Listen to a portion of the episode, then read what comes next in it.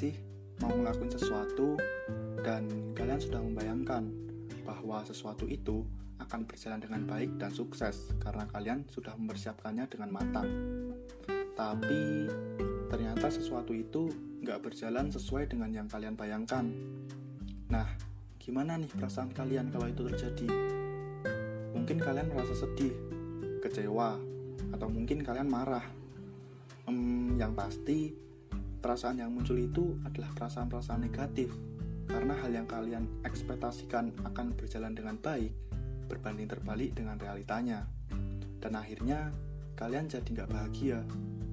Nah hal seperti ini ternyata dibahas di dalam filosofi stoicisme atau filosofi teras.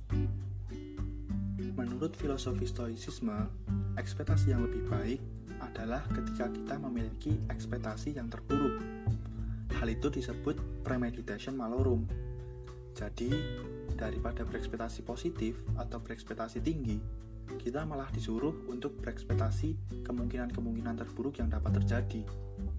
Loh, kok malah berekspektasi buruk sih? Itu kan jelas-jelas negatif thinking. Iya, emang kayak gitu. Ekspektasi terburuk itu bertujuan agar kita siap ketika hal terburuk itu beneran terjadi. Dan kalau yang terjadi malah sebaliknya, bisa membuat kita lebih bersyukur dengan membayangkan kemungkinan-kemungkinan terburuk yang bisa terjadi, kita bisa lebih bersiap untuk mengatasinya. Dan seandainya kita menemukan kemungkinan terburuk yang nggak ada solusinya, kita masih bisa memikirkan apa seburuk-buruknya akibat jika kemungkinan terburuk ini terjadi. Misal nih, kalian mau menyatakan perasaan kepujaan hati kalian. Daripada berekspektasi bahwa perasaan kalian akan diterima, filosofi stoicisme malah menyuruh kalian untuk berekspektasi bahwa kalian akan ditolak, dicuekin, atau malah dihina-hina oleh pujaan hati kalian. Jadi, yang dipikirkan adalah kemungkinan-kemungkinan terburuknya. Hah, kok gitu? Nah, itu karena kalau ternyata kalian ditolak, dicuekin, atau malah dihina-hina sama pujaan hati kalian, ya kalian gak akan terlalu kaget atau terlalu kecewa Toh kalian udah berekspektasi kemungkinan-kemungkinan terburuknya, udah punya bayangan kemungkinan-kemungkinan terburuk yang bisa terjadi.